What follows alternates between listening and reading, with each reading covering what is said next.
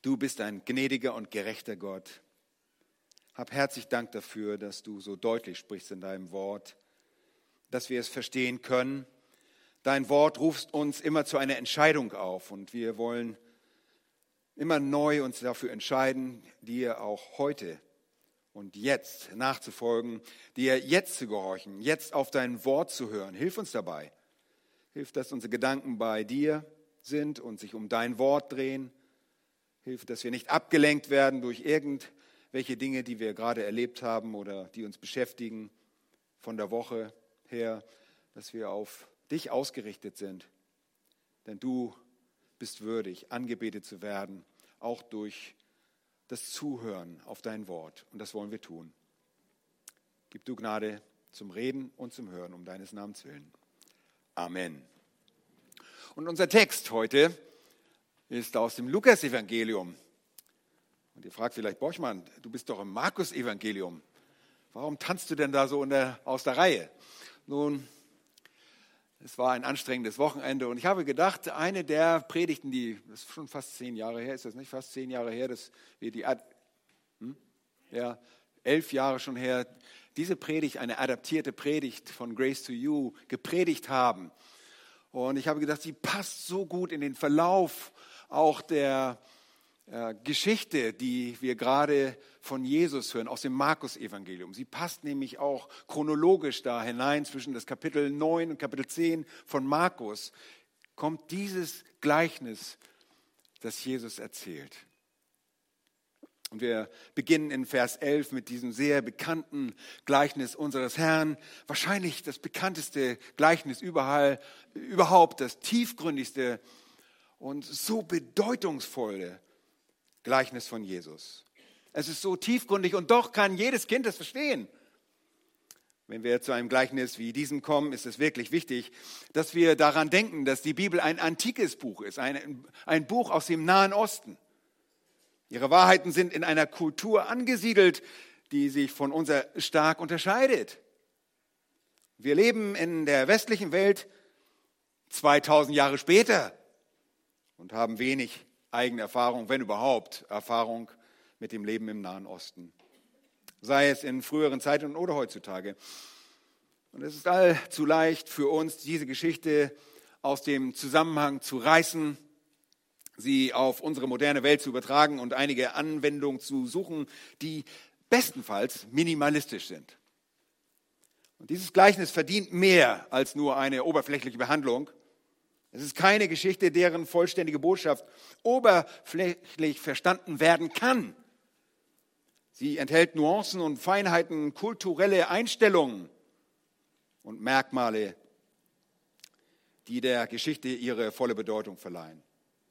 Und bitte vergesst nicht, was auch immer die Bibel den Menschen bedeutete, für die sie geschrieben war, das bedeutet sie auch heute noch. Wir haben uns gestern darüber unterhalten. Bedeutung verändert sich nicht. Sie bleibt immer eine Bedeutung. Und was auch immer Jesus den Menschen an Bedeutung mitgeben wollte, zu denen er sprach, das bedeutet es auch heute noch. Und eine der traurigsten Realitäten der Gegenwart ist, dass wir es oft so eilig haben, die Bibel anzuwenden, ohne sie vorher auszulegen. Und in unseren unnachgiebigen Bemühungen, die Bibel zu aktualisieren und sie relevant zu machen, ignorieren wir ihren ursprünglichen Kontext. Und das soll nicht geschehen. Aber um zu begreifen, was Gott uns wissen lassen wollte und was er uns für unsere Erbauung offenbaren wollte, ist es sehr wichtig, dass wir verstehen, dass wir die Geschichte hören, wie die Zuhörerschaft sie hörte.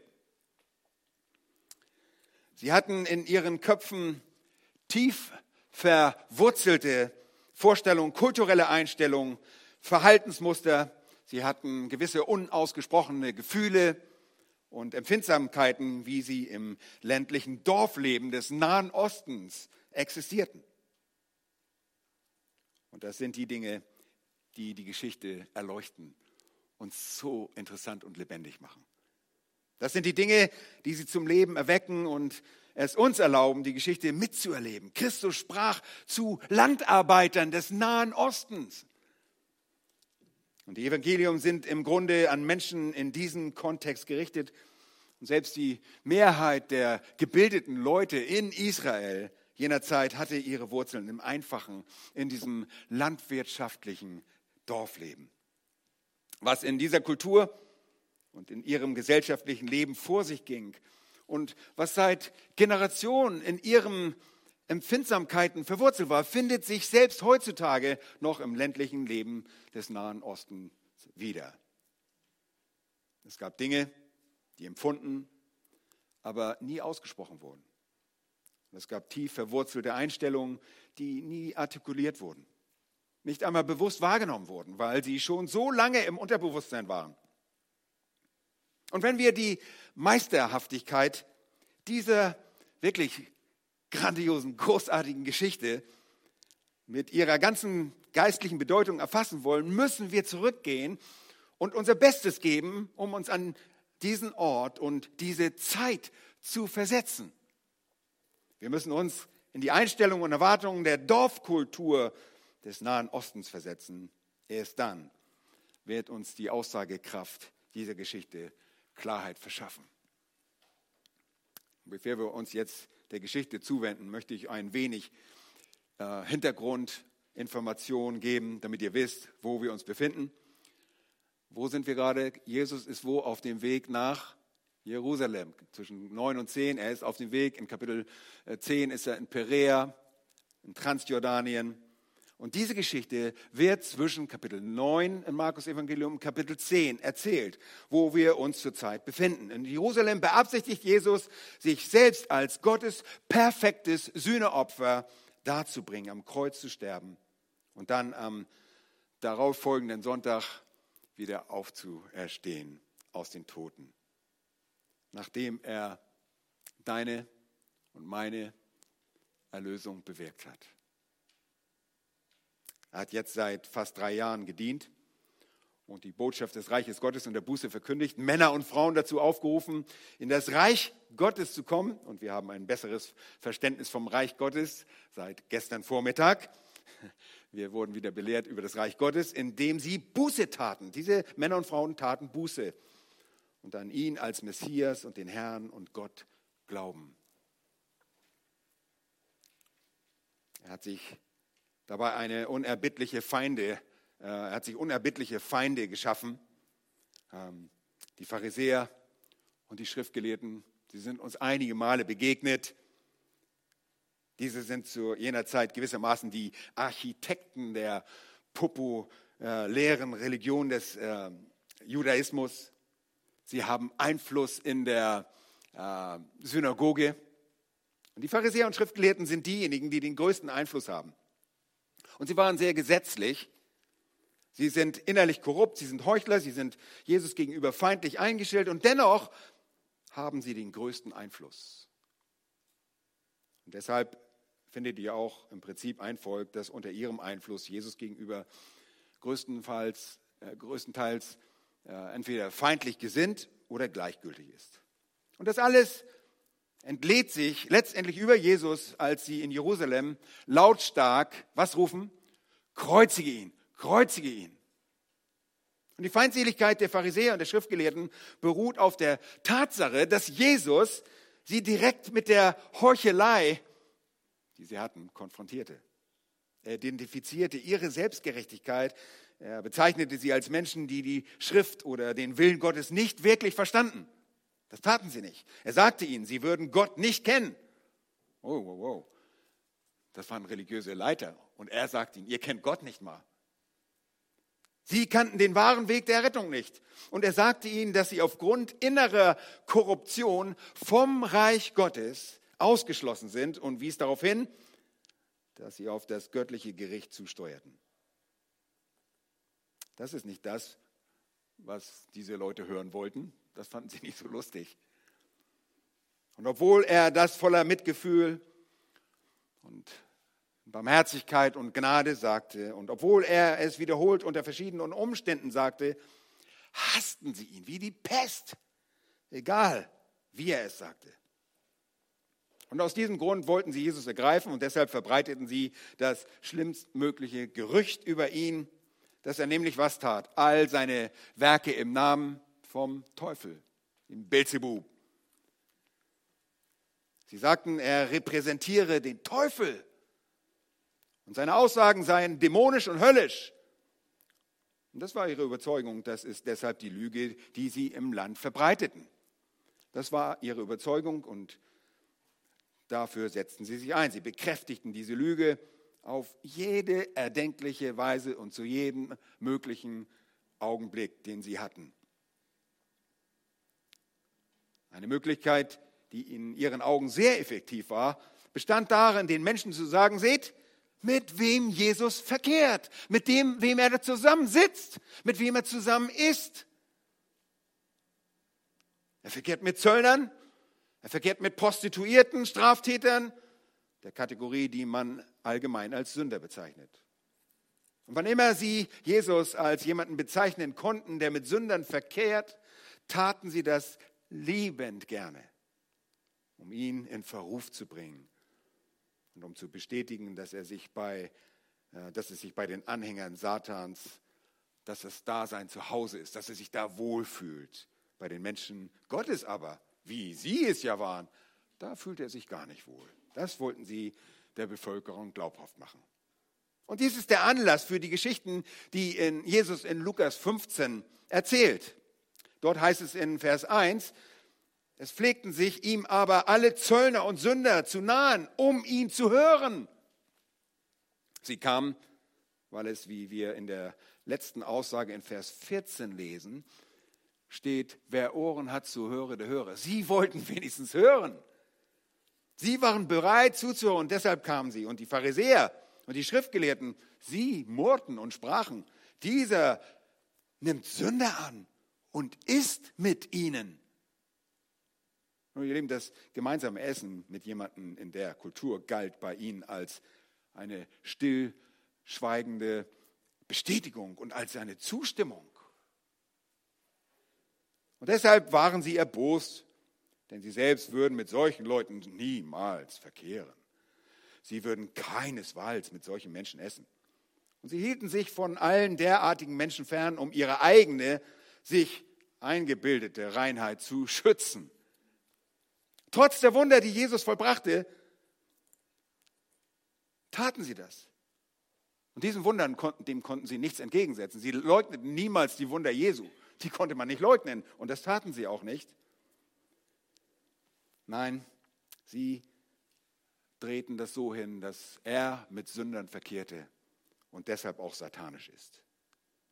Er verstieß nicht nur gegen die Tradition des Judaismus und die Sitten der Pharisäer und Schriftgelehrten. Er nahm nicht nur keine Rücksicht auf ihre Behandlung des Sabbats oder ihre anderen Regeln, sondern er verkehrte ganz besonders mit diesen sündigen Ausgestoßenen, mit diesem Abschaum der Welt. Und deshalb brachten sie das hier wieder zur Sprache, wie wir das schon früh in Markus Kapitel 2 auch sehen konnten. Nun, das zieht eine Antwort unseres Herrn nach sich. Und die Antwort ist relativ einfach. Ihr versteht das nicht, oder? Der Grund dafür, dass ich mit diesen Sündern verkehre, ist der, dass ich gekommen bin, um zu suchen und zu retten, was verloren ist. Sagt er ausdrücklich in Lukas Kapitel 19, Vers 10. Ich tue das, weil es dem Vater eine Freude bereitet, weil es Gott Freude bereitet, verlorene Sünder zu retten. Das, was wir gerade gesungen haben. Es, es macht ihm Freude, Menschen zu begnadigen, zu retten.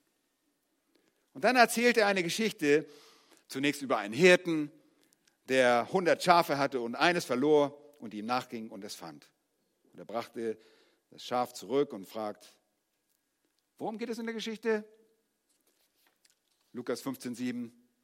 Ich sage euch, so wird auch Freude sein im Himmel über einen Sünder, der Buße tut, mehr als über 99 Gerechte, die keine Buße brauchen.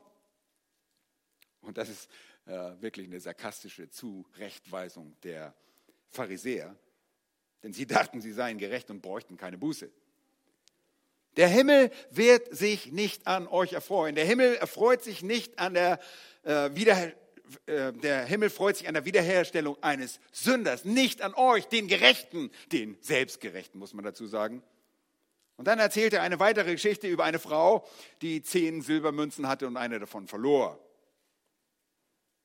noch einmal hebt Jesus in Vers 10 hervor, als diese Frau diese silberne Münze wiederfand, sagte er, Vers 10, ich sage euch, so ist auch Freude über den Engeln Gottes, über einen Sünder, der Buße tut. Wollt ihr Party? Dann über einen Sünder, der Buße tut. Und hier sagt er effektiv zu ihnen, ihr seid so weit von Gott entfernt, dass ihr nicht einmal versteht, was Gott Freude bringt. Ihr versteht nicht, was Gott Zufriedenheit und Befriedigung und Freude verschafft. Es ist die Wiederherstellung von Sündern. Und ihr, ihr geistlichen Leiter, ihr seid so weit davon entfernt, Gott überhaupt zu kennen. Und das führt dann zu der dritten Geschichte, dem wichtigsten Gleichnis in diesem Kapitel. Und wir haben die Errettung eines verlorenen Schafs und einer verlorenen Münze und hier kommt die Errettung eines verlorenen Sohnes.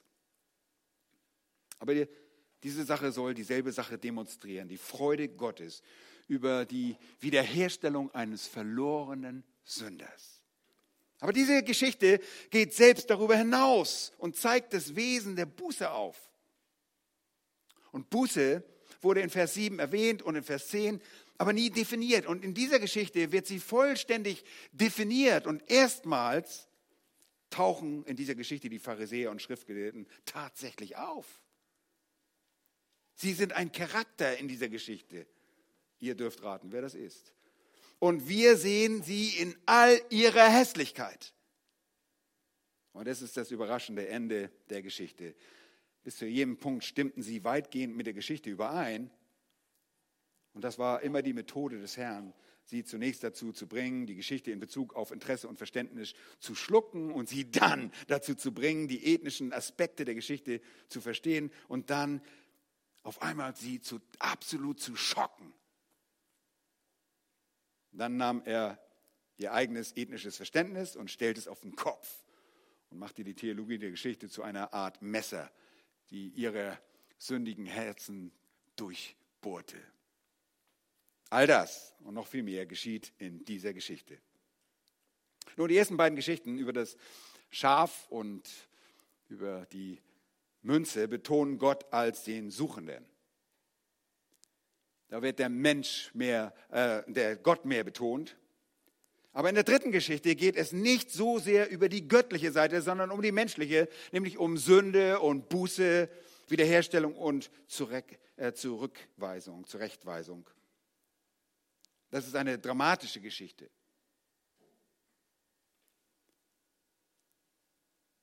Eine aus, ausgesprochen bewegende Geschichte. All das ist sehr interessant und hat großen Einfluss auf das Denken von jedem, der von der göttlichen Wahrheit erfasst wurde. Nur die Geschichte enthält nicht alles, was über die Errettung zu sagen ist. Sie ist keine vollständige Theologie über die Errettung, aber sie führt uns zum Kreuz. Und das Kreuz, wie ihr wisst, steht noch bevor. Jesus ist auf dem Weg zum Kreuz. Denn sie ist eine Geschichte der Versöhnung und es gibt keine Versöhnung ohne was? Ohne den Tod Jesu Christi keine Versöhnung. Aber das Kreuz ist nicht in der Geschichte, es steht noch bevor. Und deshalb ist sie keine vollständige Theologie der Rettung, aber sie handelt von einigen grundlegenden Elementen der Sünde und Wiederherstellung und der Freude und Zurückweisung. Nun, die Geschichte ist auf drei Charaktere verteilt. Den jüngeren Sohn, den Vater und den älteren Sohn. Und sie sollte wirklich so aufgeteilt sein.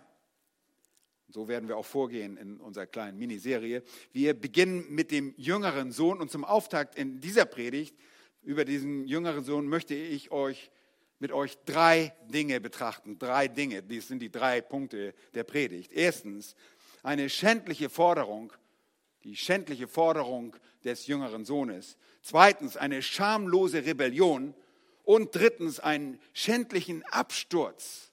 Diese drei Dinge werden hier in diesem Text hervortreten. Kommen wir zum ersten Punkt, die schändliche Forderung. Verse 11 und 12 in der ersten Hälfte heißt es. Und er sprach, ein Mensch hatte zwei Söhne Und der Jüngere von ihnen sprach zum Vater, gib mir den Teil des Vermögens, der mir zufällt. Der erste Sohn ist nicht der einzige Charakter. In Vers 11 finden wir den Mann und zwei Söhne. Und deshalb nennen wir diese drei Teile die Geschichte zweier Söhne. Es ist nicht nur die Geschichte eines Sohnes, es ist die Geschichte zweier Söhne. Und der Höhepunkt der ganzen Geschichte weist darauf hin, dass der andere Sohn, über den wir oft nicht nachdenken, das eigentliche Ziel der Geschichte ist. Im Deutschen nennen wir diesen jüngeren Sohn den verlorenen Sohn. Im Englischen nennen wir den Prodigal Son. Das kommt aus dem alten lateinischen Wort Prodigalität kommen wir her, haben wir. Prodigalität, Verschwendungssucht. Es beschreibt jemand, der verschwenderisch ist, eine sinnlos, extravagante, zügellose Person. Und das ist eine sehr passende Beschreibung für diesen ersten Sohn, eine klassische Illustration. Einer Person, die ihr Leben verschwendet und extravagant zügellos ist. Und deshalb auch als verloren bezeichnet wird. Nun lass uns die Geschichte betrachten, die Geschichte zwischen zwei Söhnen und einem liebenden Vater. Jesus sagte, ein Mensch hatte zwei Söhne. Und der Jüngere von ihnen sprach zum Vater, gib mir den Teil des Vermögens, der mir zufällt, Vater. Und als Jesus das sagte, kann man sich gut vorstellen, wie die Pharisäer und die Schriftgelehrten, die hier seine einzige Zuhörerschaft waren, die Luft und vor Empörung anhielten. Den fiel regelrecht der Kinnladen runter. Das zu hören, das ist eine absolut empörende Aussage. Dieser Sohn ist wahrscheinlich nicht verheiratet, denn er will gehen und sich die Hörner abstoßen, sagt man so. Vielleicht ist er noch ein Jugendlicher. Er ist in seinem Vater gegenüber vollkommen respektlos. Mang es mangelt ihn an jeglicher Liebe für seinen Vater. Es ist nicht ein Gramm Dankbarkeit in seinem Herzen für das Vermächtnis, das Generationen seiner Familie für seinen Vater und eines Tages für ihn äh, hinterlassen haben, sie hinterlassen haben. Es ist sogar so, dass solch eine Ausge äh, Aussage angesichts der Empfindsamkeiten der altertümlichen, des altertümlichen Dorflebens des Nahen Ostens, der Aussage, Vater, ich wünschte, du wärest tot, gleich käme. So empört, so schändlich war diese Forderung. Du stehst meinen Plänen im Weg, du bist ein Hindernis. Ich will meine Freiheit, ich will meine Erfüllung, ich will sofort, ich will von dieser Familie weg. Ich habe andere Pläne, die dich, Vater, nicht beinhalten. Und diese Familie ist auch nicht darin beinhaltet und dieses Anwesen ist darin nicht beinhaltet, die dieses Dorf auch nicht beinhaltet. Ich will mit niemandem von euch irgendetwas zu tun haben. Ich will meine, mein Erbe haben und zwar jetzt. Oh oh. Das ist so, als würde man sagen, ich wünsche, du wärest tot. In einer Kultur, in der die Ehre und die Ehrerbietung so wichtig war, in einer Kultur, die auf einen der zehn Gebote Ehre deinen Vater und deine Mutter fußte, war dies eine atemberaubende, eine absolut schändliche Forderung. Solch eine schändliche Forderung an einen gesunden, möglicherweise sogar noch nicht mal so alten Vater zu stellen, bedeutete, ich möchte dich am liebsten loswerden. Er wünschte sich damit quasi in den Augen aller den Tod seines Vaters. Und ihr müsst verstehen, es war üblich, dass man das Erbe erst bekam, wenn der Vater gestorben war. Das ist gar nicht mal so ungewöhnlich, oder? Aber es hier so zu tun und zu diesem Zweitpunkt darum zu bitten, war nicht nur eine Bestätigung, dass euer Vater tot sei, sondern auch eurerseits ein Selbstmord. Denn jeder würde erwarten, dass diese Art von Aufforderung und Forderung an einen Vater mit einem Schlag ins Gesicht beantwortet werden würde. Ihr Lieben, das war eine typisch jüdische Geste um Zurechtweisung für solche Geringschätzung seitens des jüngeren Sohnes auszudrücken, der von allem, was die Familie hatte, profitiert hatte und wahrscheinlich von allen angehäuften Reichtümern der vergangenen Generation. Und so behandelt er seinen Vater?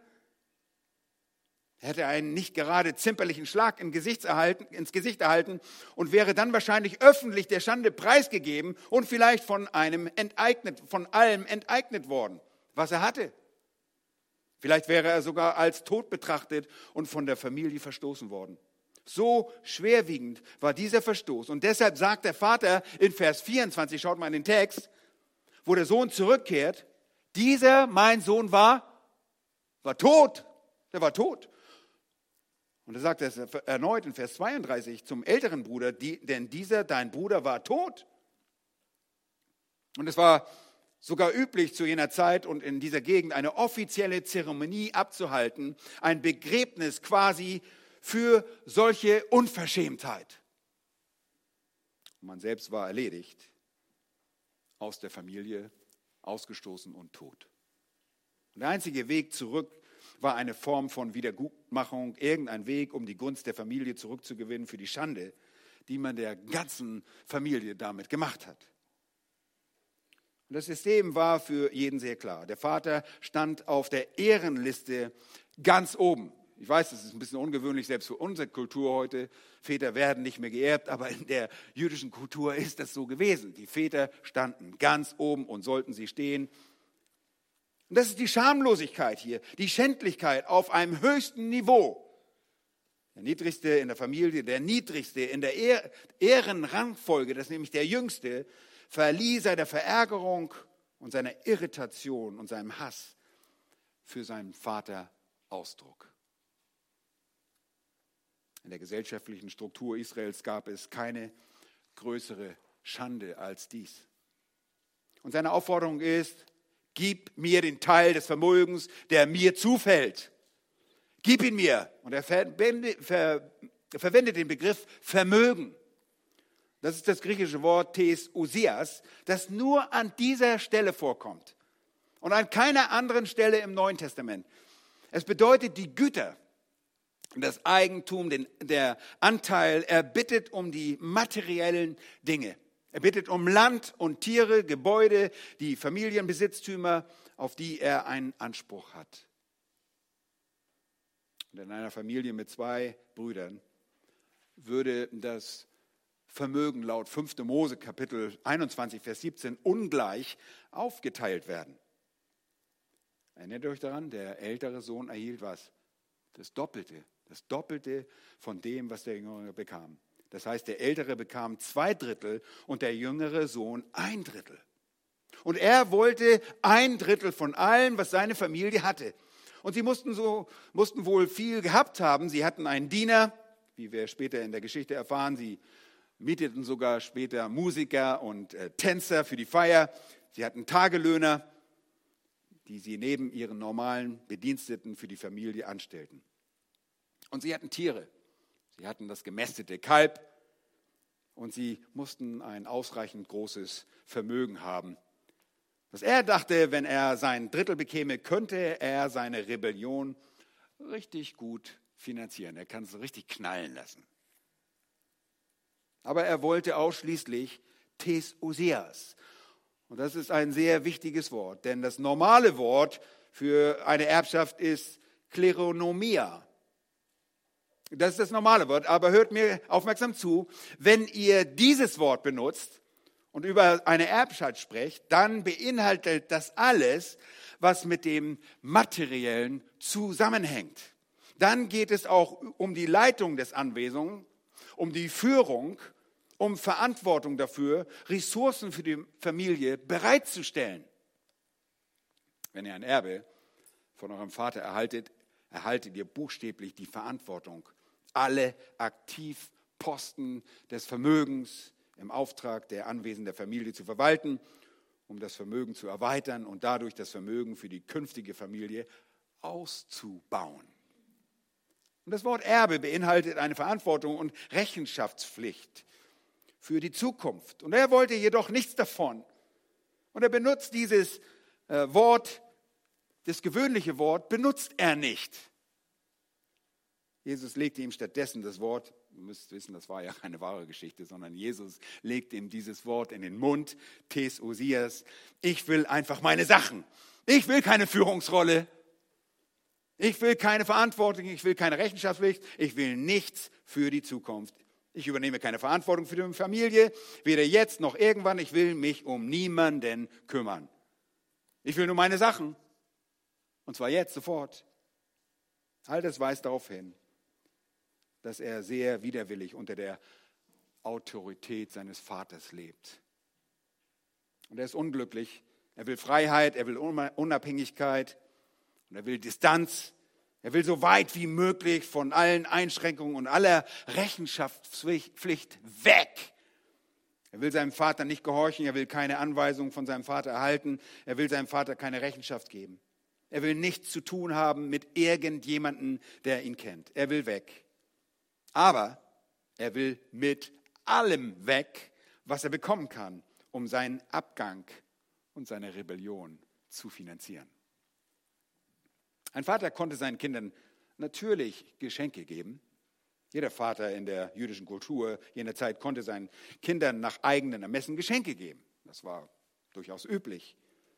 Er konnte ihnen auch Teile des Vermögens zuteilen und irgendwann sagen, das sind die zwei Drittel, die du als älterer Sohn erhältst, beziehungsweise das ist dein Drittel, das du als jüngerer Sohn erhalten wirst.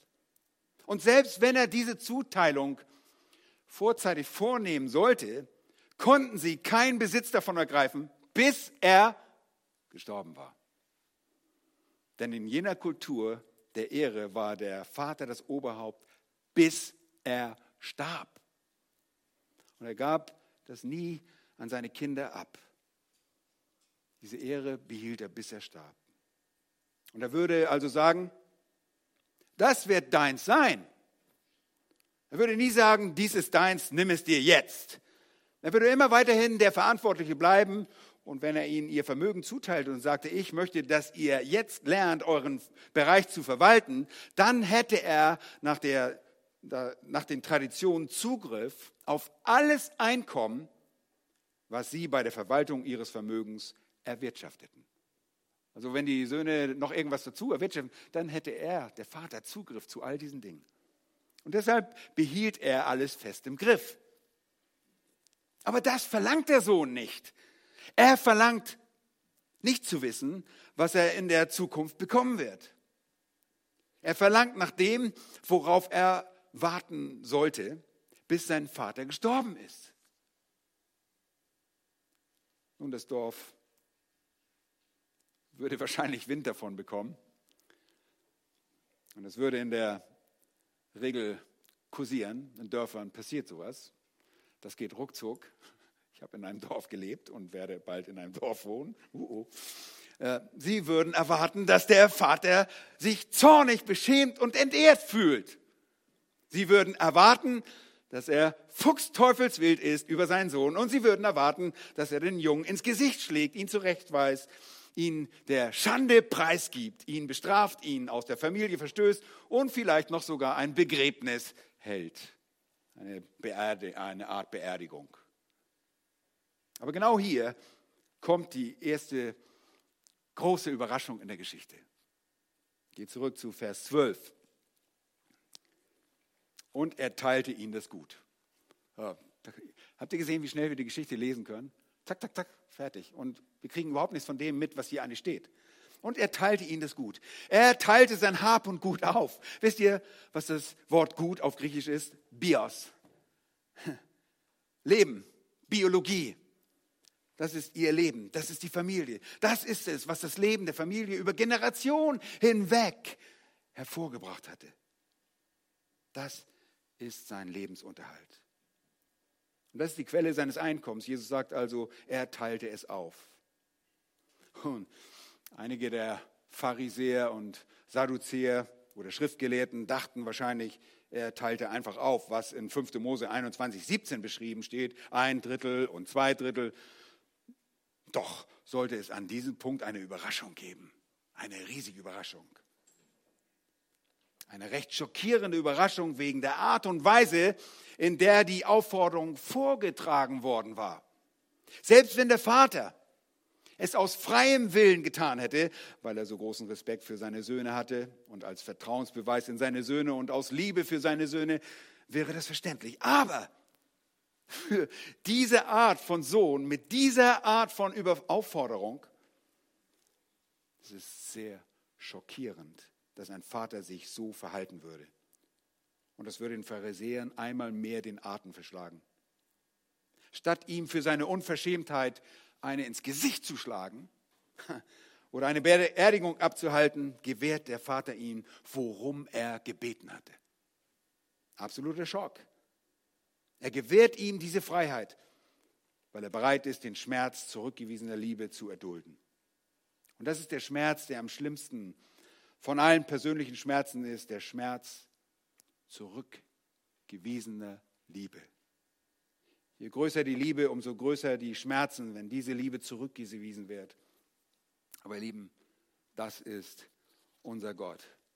Das ist Gott, der dem Sünder seine Freiheit gibt. Es gibt kein Gesetz in den Sitten Israels, das einem Vater verbieten würde, das zu tun. Und er tut es nicht, weil er denkt, dass es das Beste ist. Er gibt dem Sünder seine Freiheit. Und sehen, wir sehen daran, dass er keine Beziehung hat, dass der Sohn keine Beziehung zum Vater hat. Und das ist es, worum es hier geht. Der Sünder hat keinerlei Beziehung zu Gott. Er liebt Gott nicht.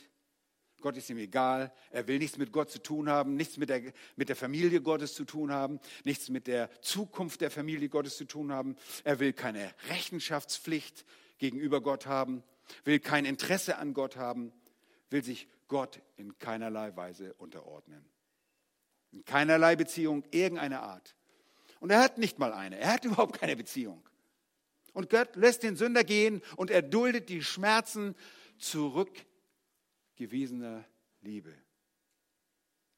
Und das ist, wie wir in Römer 1 lesen, ist noch sehr präsent, Sam.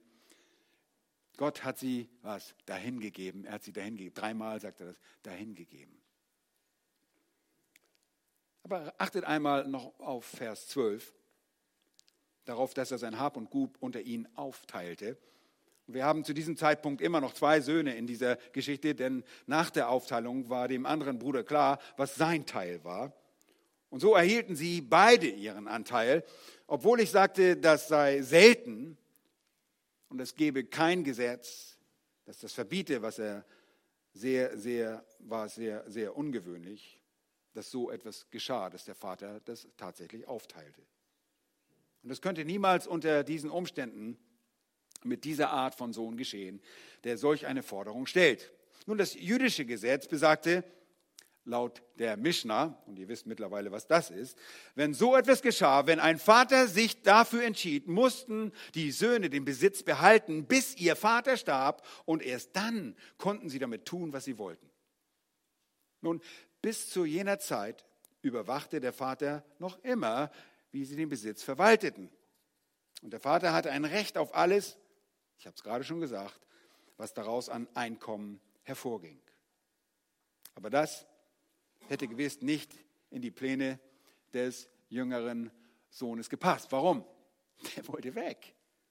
Er wollte seinen Willen und er wollte ihn sofort. Nun, der erste Schritt bestand darin, den Vater zu veranlassen, das Vermögen aufzuteilen. Schritt zwei in Vers 13 ließ nicht lange auf sich warten. Und da heißt es, und nach vielen Tagen, damit beginnt die zweite Sache, über die wir heute nachdenken wollen in dieser Geschichte. Erstens die schändliche Forderung. Zweitens eine schamlose Rebellion. Eine schamlose Rebellion. Und nicht lange danach, Vers 13, nicht viele Tage später, und er wartete nicht lange, er konnte nicht warten, er hatte lange genug gewartet, in seinen Augen zumindest, und er hatte offensichtlich genug davon, in der Gegenwart seines Vaters zu sein. Er hat genug von Rechenschaft und Beziehungen mit der Familie, er empfindet keine Liebe für seinen Vater. Und er überfindet auch absolut keine Liebe für seinen älteren Bruder. Null, nothing, gar nichts, nichts da. Sein älterer Bruder übrigens empfindet keine Liebe für ihn. Und als Anmerkung nebenbei, der ältere Bruder empfindet ebenfalls keine Liebe für den Vater. Denn als der jüngere Sohn wieder nach Hause kommt und der Vater glücklich ist, ist der ältere Bruder sogar was? Verärgert. Der hat die Nase voll. Er hat keinen Anteil an der Zuneigung des Vaters. Und er ist ebenso lieblos und undankbar. Und das, obwohl er zu Hause bleibt. Er ist ein Heuchler im Haus. Und der Vater hat also effektiv mit keinem der beiden Söhne eine Beziehung. Und ihr Lieben, es gibt zwei Arten von Menschen, die keine Beziehung zu Gott haben. Die einen sind nicht religiös und die anderen sind religiös. Die einen sind so weit von Gott entfernt, wie es nur irgendwie möglich ist, und die anderen sind so nah dran, wie irgendwie möglich, und doch haben sie keine Beziehung zu dem Vater. Aber was wollte der jüngere Sohn? Und das heißt, und nach nicht vielen Tagen lesen wir, und nicht nach vielen Tagen, beziehungsweise später lesen wir, packte der jüngere Sohn alles zusammen. Und das heißt sehr unmissverständlich, dass er alles in Bargeld umwandelte. Schlechten Esel irgendwo auf dem Rücken mitzunehmen und dann noch irgendein Stück Land. Das kann man nicht mitnehmen, oder? Also hat er alles in Bargeld umgewandelt. Er, er wollte Geld, ich will einfach nur weg. Technisch gesehen konnte er das Eigentum übrigens verkaufen. Sobald es ihm gegeben worden war, gab es allerdings ein Hintertürchen. Der Vater hatte zwar noch einige gewisse Aufsicht und konnte Zinsen abschöpfen, aber sie konnten es nicht in Besitz nehmen, bis der Vater gestorben war. Aber es gab ein Schlupfloch in der Tradition jener Zeit, dass er nämlich an jemanden verkaufen konnte, der es kaufen würde, aber den Besitz erst übernehmen würde, wenn der Vater gestorben war. Kennt ihr sowas? Ja, das kennen wir.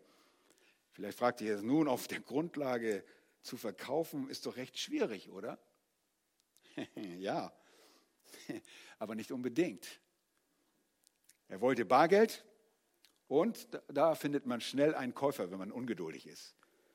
Er muss einen Käufer für sein Drittel des Vermögens finden, einen Käufer, der ihm sofort Bargeld dafür gibt und den Besitz erst übernimmt, wenn der Vater tot ist. Wenn ihr das für ungewöhnlich haltet, dann denkt einmal daran, dass Menschen heutzutage jede, jeden Tag sogenannte Terminkontrakte, äh, Gebrauchsgüter kaufen. Okay? Aber warum sollten Menschen jetzt etwas kaufen, das sie erst in der Zukunft in Anspruch nehmen können? Und das ist nicht so schwierig, weil sie denken, der Preis könnte steigen. Und ihr sichert euch also für die Zukunft ab, indem ihr den Kaufpreis jetzt bezahlt, obwohl ihr das Erworbene erst in der Zukunft in Anspruch nehmen könnt. So sieht das Kaufen von Terminkontrakten aus. Das ist ein Absichern für die Zukunft. Und ihr könnt euch ausmalen, dass der Preis dabei sehr gut sein würde, weil der Verkäufer verzweifelt war. Der wollte weg. Wenn ihr der Käufer seid, gibt es nichts Besseres, als einen verzweifelten Verkäufer zu haben. Jemanden, der weg will, der schnell Cash haben will, der Bargeld haben will. Nicht viele Tage danach heißt es, er will alles in Bargeld verwandeln, sein Besitz kann verkauft werden und das bedeutet Gebäude, Landtiere, was auch immer es war, er bekommt das Bargeld auf der Stelle. Und was auch immer es verkauft, was er immer verkauft hat, er kann Besitz nicht mitnehmen, bis der Vater stirbt. Und natürlich gibt es Menschen, die froh wären, das zu tun, weil es wie ein Ausverkauf nach einem Brandschaden sein wird. Der Typ will weg, also greifen wir zu. Er will sofort weg. Er akzeptiert einen niedrigen Preis und irgendjemand ist sehr glücklich, an dem Wert des Besitzes festzuhalten und einfach die Jahre abzuwarten, bis der Vater dann gestorben ist. Nun, das ist die Torheit des Sünders. Er will weg von Gott und er will sofort weg. Er will keine Rechenschaftspflicht gegenüber Gott. Er verschleudert alle Gelegenheiten, die Gott ihm gegeben hat. Alle guten Gaben, alle Gelegenheiten, das Evangelium zu hören, alles, was gut ist und was Gott in dieser Welt gebracht hat. All diese Güte und Langmut Gottes, die den Sünder zu einer Beziehung mit ihm führen soll, die verschmäht der Sünder. Und sobald er sein Bargeld bekommt, seht ihr in Vers 13, was mit ihm geschieht. Er reiste in ein fernes Land. Das ist wichtig. Fern ist hier das entscheidende Wort. wegkommen, schnell weg und weit weg. Das Land der Heiden ist dieses Land. Es ist ein fernes Land, ein heidnisches Land. Jedes Land außerhalb von Israel ist ein heidnisches Land. Das wisst ihr mittlerweile. Es ging in, er ging in ein heidnisches Land und das war an sich schon ein Horror und eine große Schändlichkeit bei den Juden, das zu tun. Wie schlecht ist dieser Sohn? Er ist so schlecht, wie ein Mensch nur sein könnte. Man kann nicht schlimmer sein, als den eigenen Vater zu verachten und zu ehren. Und dazu kommt noch materielle Habgier. Und dann noch der Verkauf des Vermögens aus Generationen der Familie und obendrein noch das Auswandern in ein heidnisches Land. Weit weg von jedem, der, sie, der dich kennt, damit niemand weiß oder sich darum kümmert, was du tust.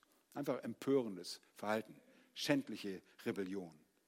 Und die Familie und das Dorf hätten dann sicherlich ein Begräbnis abgehalten. Er ist weg, er ist tot, es ist vorbei. Und eine Versöhnung wäre nur möglich, wenn er zurückkäme und das Hab und Gut zurückkaufte, das er verkauft hatte. Und müsste zurückkommen und wirklich es zurückkaufen. Übrigens, wir stellen uns die Frage, wo der ältere Sohn bei all dem ist. Warum ist er nie zur Stelle? Warum vertritt er nicht den Vater und die Ehre des Vaters? Warum tritt er nie vor und schützt seinen Vater? Warum gibt es keinen Vers darüber? Aber der ältere Sohn ging zu dem Jüngeren und wies ihn zurecht, weil er den Vater entehrt hatte. Die Antwort lautet, weil er den Vater ebenfalls nicht liebte. Er war glücklich, seinen Teil zu bekommen und zu Hause zu bleiben. Er verteidigte den Vater zu keinem einzigen Zeitpunkt und er empfindet keine Liebe für diesen Vater. Und das werden wir noch sehen. Nun, die ganze Szene ist von Schande erfüllt. Es ist eine vollkommene, wie würde man heute sagen, dysfunktionale Familie. Ein liebender, großzügiger Vater, der seinen beiden Söhnen enorme Geschenke gemacht hat. Und einer ist ein offensichtlicher rebellischer, unreligiöser, nicht religiöser Sünder. Und der andere ist ein religiöser äh, Sünder, der zu Hause blieb. Aber keiner von beiden hat irgendeine Form von Beziehung zum Vater oder auch zueinander. Sie beide hassen einander und auch den Vater. Nun, die schamlose Rebellion beginnt. Und wir lesen in Vers 13, er reiste in ein fernes Land und dort verschleuderte er sein Vermögen mit ausschweifendem Leben. Und verschleudern heißt einfach zerstreuen. Er warf es einfach weg. Deshalb auch die Verschwendungssucht, Prodigalität, über die wir schon anfangs gesprochen haben. Ausschweifendes Leben, rücksichtsloses, verschwenderisches Leben, Sau, Sotos. Ein vergeudetes Leben, ein sittlich verkommenes Leben, ein zügelloses Leben. Und in Vers 30 sagt sein älterer Bruder sogar, er vergeudete sein, Blut, sein Gut mit Huren. Oh, wow. Manche Menschen denken, das könnte einfach eine aus dem Ärmel geschüttelte Entschuldigung des älteren Bruders sein. Aber es gibt keinen älteren Bruder. Denkt daran, es ist nur eine was, eine Geschichte. Und der Autor all dessen ist Jesus. Und Jesus brachte das in die Geschichte hinein, weil er eine präzise, weil es eine absolut präzise Widerspiegelung dessen ist, was er über die Taten des jungen Mannes vermitteln möchte. Was sonst würde er tun? Er läuft vor aller Rechenschaftspflicht so weit wie möglich davon.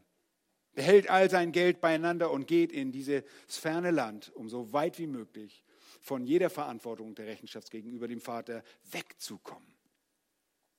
Und er vergeudet sein Leben auf unsittliche Weise. Er verschwendet es. Er schmeißt sein Leben einfach weg.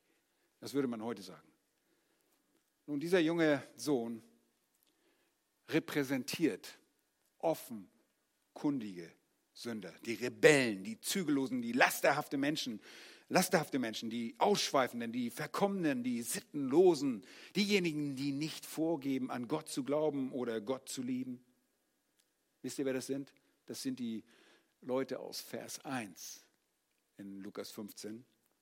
Die Zöllner Und die Sünder, die Aussätzigen, die Unreligiösen und sie rennen so weit sie können von Gott weg, weil sie keine Liebe für ihn haben und keine Beziehung zu ihm besitzen. Sie wollen nichts mit seinem Gesetz, sie wollen nichts mit seiner Herrschaft zu tun haben. Sie leben jede Rechenschaftspflicht, sie lehnen jede Rechenschaftspflicht ihm gegenüber ab. Sie überschreiten die Schwellen der, der Gotteshäuser nicht. Sie sind nicht daran interessiert, sich selbst den Erwartungen anderer Menschen auszusetzen. Kennt ihr solche Rebellion aus eurem Leben? Ich denke, einige würden laut antworten, ja. Aber Sünde endet nie so wie es auf den ersten Blick aussieht. Vers 14, nachdem er aber alles aufgebraucht hatte, das ist quasi eine Einführung zu der Tatsache, dass er bei seiner Ankunft in dem fremden Land ein Bonze war, der richtig viel Kohle hatte. Eine Finanzhyäne. Der Neuling in der Stadt mit dem großen Bankkonto. Er war ein recht, ein regelrechter Geldsack. Und er hatte einen Haufen davon. Und er kommt in die Stadt, feiert ausgiebig und wirft mit seinem Geld um sich. Und er lockt sicherlich alle möglichen Leute an, die von seiner Großzügigkeit profitieren. Abstauber und Schmarotzer. Ich sage immer, da wo, die, wo das Aas ist, da sammeln sich die Geier. Da waren alle Geier, die wollten daran teilhaben. Sie waren Schmarotzer seiner törichten Großzügigkeit. Und er umgibt sich mit dem Gesindel und mit dem Abschaum und zwielichtigen Erscheinungen. Und das Geld, ihr Lieben, was macht das Geld? Das vermehrt sich. Nein, es geht ihm aus. Das Geld geht ihm aus. Er hatte alles ausgegeben, wie wir in Vers 14 leben, und das ist seine Schuld. Und das ist drittens der schändliche Absturz. Der schändliche Absturz. Eine gewaltige Hungersnot kam über jenes Land. Das ist nicht seine Schuld, aber so ist das nun einmal im Leben. Manche Dinge sind unsere Schuld und andere nicht. Aber das Zusammenspiel dieser Dinge kann verheerend sein. Und so ist das Leben. Und es gab eine gewaltige Hungersnot in jedem Land. Nun, ihr seid nicht vertraut mit dem, was es Hunger, äh, was Hunger ist. Ich auch nicht. Müssen wir zugeben. Was ist eine gewaltige Hungersnot? Wie verhalten Menschen sich in einer gewaltigen Hungersnot? Ich meine, nicht eine kleine. Hier steht eine gewaltige Hungersnot. Eine gewaltige Hungersnot, sagt unser Herr. Hier ist eine eindrückliche Beschreibung einer Hungersnot aus dem 19. Jahrhundert. Hört euch das mal an. Vielleicht wollt ihr auch eure Ohren zuhalten. Aber so sieht es aus. Und die Beschreibung ist ziemlich charakteristisch für das, was bei einer Hungersnot vor sich geht. Und das würde so in einem Dorf geschehen. Das wäre es, was die Menschen, die Jesus zuhörten, mit ihren Empfindsamkeiten auch sehr wohl verstehen würden. Und die Zuhörer würden sich zum Beispiel an die Zeit erinnern, als Israel belagert wurde. Wir lesen davon im Alten Testament von der Belagerung Israels und Frauen ihre Plazenta, guten Appetit, und schließlich ihre eigenen Kinder aßen. Leben, das ist nicht so appetitlich. Ich weiß, irgendwelche Verrückte essen sogar die Plazenta heute noch. Freiwillig. Aber das findet sich im Alten Testament. Das ist eine Hungersnot. Aber hier ist eine Beschreibung einer Hungersnot aus dem 19. Jahrhundert. Da heißt es, der Autor berichtet von Kindern, die in die Sklaverei verkauft wurden, damit sie nicht hungern würden. Er berichtet davon, dass jeden Morgen Männer tot auf den Straßen aufgefunden wurden. Und als die Zahl wuchs, verkündigte der Herrscher der Stadt, dass jeder Mann dafür verantwortlich sei, die Toten vor seinem Haus in den Fluss zu werfen. Und weil sie nicht all die Toten vor ihrem Haus haben wollten, würden die Bürger der Stadt die Toten vor die Häuser anderer Menschen schleppen. Also du bringst sie zu deinem Nachbar, damit er das entsorgen muss. Jeden Morgen würden in der ganzen Stadt Wortwechsel ertönen, während Männer sich darüber stritten, wo die Toten tatsächlich gestorben waren. Kleine Händler mussten Peitschen aus Nilpferdhaut in der Nähe haben um die rasenden Bettler abzuwehren, die sie körperlich angriffen und das wenige verschlangen, was sie in ihren Läden hatten. Kleine Straßenhändler würden sich auf ihre Waren werfen, wenn die armen Schlucker vorbeikamen, um etwas zu essen zu stehlen. Männer, die nachts unbewaffnet herausgingen, wurden angegriffen und aufgegessen. Streuende Hunde wurden getötet und roh gegessen. Schuhleder, verrottetes Fleisch und Müll wurden allesamt verschlungen. Palmen wurden gegessen. Familien in den Dörfern, die mit dem Tod konfrontiert waren, mauerten die Türen ihres Hauses zu und warteten in einem Zimmer auf den Tod, damit ihre eigenen Körper nicht von Hyänen verschlungen würden. Ganze Dörfer wurden auf diese Weise ausgelöscht. Ihr Lieben, das ist eine große Hungersnot. Etwas in dieser Art hätten die Zuhörer von Jesus im Hinterkopf gehabt, als er diese Geschichte erzählte. Und wir reden hier von einem Ausmaß von Verzweiflung, das über alles hinausgeht, das wir uns vorstellen können. Und hat also einige schlechte Entscheidungen getroffen, die schlimmsten, und die Umstände haben die Situation jetzt schlimmer gemacht. Und das ist der Tiefpunkt im Leben eines Menschen. Und das ist jetzt noch durch die Umstände viel schlimmer geworden.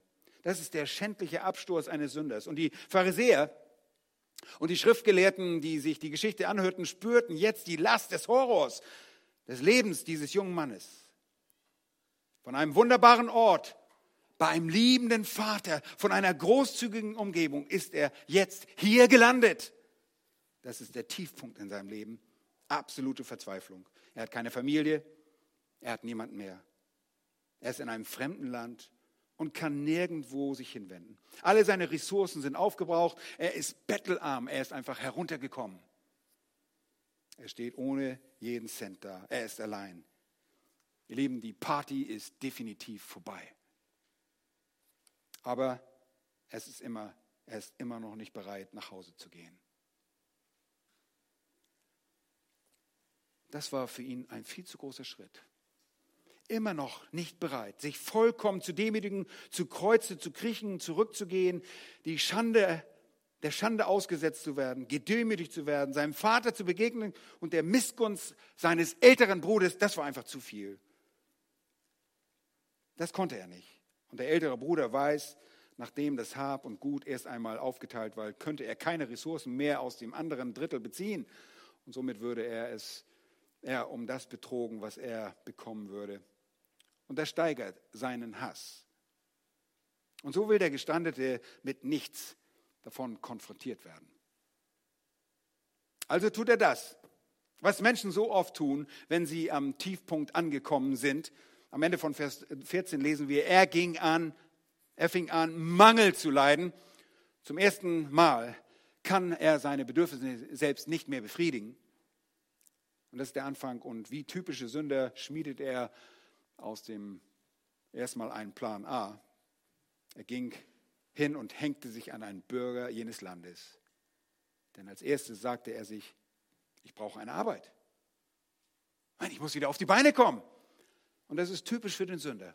Er rennt vor Gott davon, geht hinaus, lebt sein zügelloses, rebellisches Leben, sündigt über alle Maßen, endet am Boden und hat nichts vorzuweisen, ist vollkommen bankrott und ist nackt. Er ist heruntergekommen. Er wandelt durch die Straßen, er hat nichts, aber er sammelt sich, um wieder selbst auf die Beine zu kommen. Ich muss eine Arbeit finden und muss halt das erste Mal in meinem Leben arbeiten. Na gut, dann ist das halt so. Und sein Vorhaben führte nicht zum gewünschten Erfolg. Und diese kleine Eskapade gereichte nicht zum gewünschten Glück. Er büßte das leichte, unkomplizierte Leben ein und er ließ einen liebenden Vater zurück. Stattdessen wurde sein Leben äußerst schwer. Er wollte uneingeschränktes Vergnügen. Er wollte Erfüllung seiner Lüste ohne Unterordnung und ohne Zurechtweisung. Stattdessen erlebte er Schmerzen und mangelnde Erfüllung, Einsamkeit. Wisst ihr, was das ist? Einsamkeit. Er war sogar mit dem Tod konfrontiert. Also ging er und hängte sich an einen Bürger jenes Landes. Und das Wort Bürger bezieht sich hier auf eine privilegierte Person. Nicht jeder war ein Bürger. Das bedeutet, man war privilegiert und wurde von der Gesellschaft geehrt und auf der Stadtrolle, dem Stadtbuch eingetragen. Und er fand jemanden, der etwas betucht war, ein Bürger, und hängte sich an ihn. Oh, das ist ein, groß, ein tolles Wort. Äh, Kolao, hängen, kleben. Er klebte sich regelrecht an diesen Typen. Er klammerte sich an diesen Menschen. Ich bin mir ziemlich sicher, dass hier impliziert wird, dass dies nicht die Idee jenes Bürgers war, sondern dass er diese Idee hat, sich daran zu hängen. Wenn ihr mal den, in der dritten Welt gewesen seid, dann wisst ihr, wie das sein kann. Dann wird es eure größten Anstrengungen erfordern, um Bettler abzuschütteln. Ihr geht einfach auf die Straße und es dauert keine fünf Minuten, bevor sie euch am Rockzipfel hängen. Sie sind hartnäckig und ziehen an eurem Arm, an euren Taschen. Und ihr müsst zusehen, dass ihr nicht von ihnen überwältigt werdet. Und das ist das Ausmaß ihrer Verzweiflung, dass diese Menschen veranlasst, immer so zu handeln. Und das sehen wir hier. Das Bild hier ist das eines Mannes, der ein Bettler geworden ist. Und so findet er einen Bürger, der Geld hat und hängt sich an ihn, bis dieser Mann ihn nicht mehr loswerden kann. Das ist eine Pest, ne? wenn du auf einmal jemand an deiner Schürze hast. Und schließlich lesen wir in Vers 15, dass dieser ihn auf seine Äcker schickte, die Schweine zu hüten. Oh, das ist wirklich keine Arbeit, aber das ist die niedrigste Aufgabe, die jemand überhaupt verrichten könnte. Und wie sich herausstellte, wurde sie nicht bezahlt. Aber um den jungen Mann loszuwerden, sagte der Bürger, okay, geh auf meinen Acker und hüte meine Schweine. Und er ist so verzweifelt, dass er es tut. Und an dieser Stelle wird lauter als je gejapst. Hier ist ein jüdischer Junge, der Schweine in einem heidnischen Land hütet, bei einem Heiden dient. 3. Mose 11, 7 und 5. Mose 14, 8 und andere Abschnitte aus dem Alten Testament weisen darauf hin, dass Juden kein, keine Schweine bzw. unreine Tiere essen durften. Und es muss, er muss letzten Endes diese Schweine hüten.